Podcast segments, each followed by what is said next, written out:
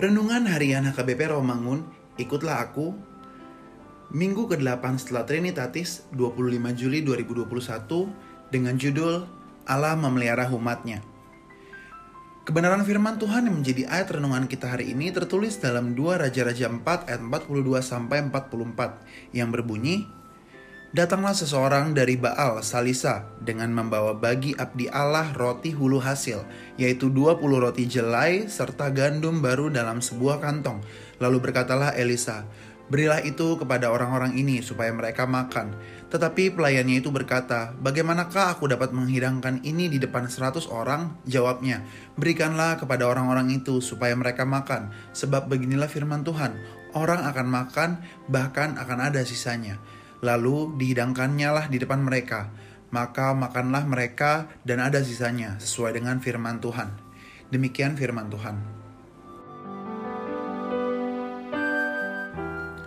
Di dalam kehidupan ini kita terlalu sering meragukan kuasa Tuhan di dalam setiap permasalahan hidup kita.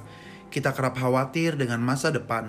Kita harap khawatir apakah esok kita makan atau tidak. Kita kerap menghidangkan pengharapan akan Tuhan karena ketakutan kita akan dunia ini. Di dalam hidup ini, kita terlalu sering menghilangkan dalam diri kita pengharapan terhadap Kristus. Allah adalah pencipta sekaligus pemelihara. Tuhan menciptakan manusia bukan semata-mata untuk membiarkan manusia hilang pengharapan dan kebingungan di dalam menghadapi tiap pergumulan. Maka dari itu perlu ditekankan bahwa Allah adalah Tuhan yang memperhatikan dan mencukupkan setiap kekurangan dan kebutuhan kita di dalam hidup ini tetapi kita terlalu sering menutup hati bagi Kristus dan membuka mata untuk hal-hal duniawi. Saudaraku yang terkasih, firman Tuhan hari ini mengingatkan kita bahwa Allah adalah yang Allah kaya dan tidak akan membiarkan umatnya kekurangan. Dalam pemahaman bahwa Allah adalah Allah yang hidup berkesinambungan dengan Allah yang adalah penyelamat.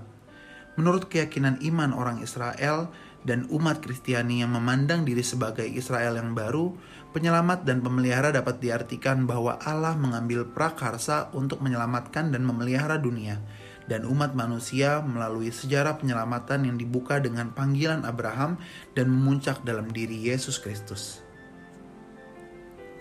Marilah kita berdoa. Ya Allah, peliharalah hati kami ya Tuhan untuk tetap berpengharapan akan Engkau yang adalah pemelihara kehidupan kami. Amin.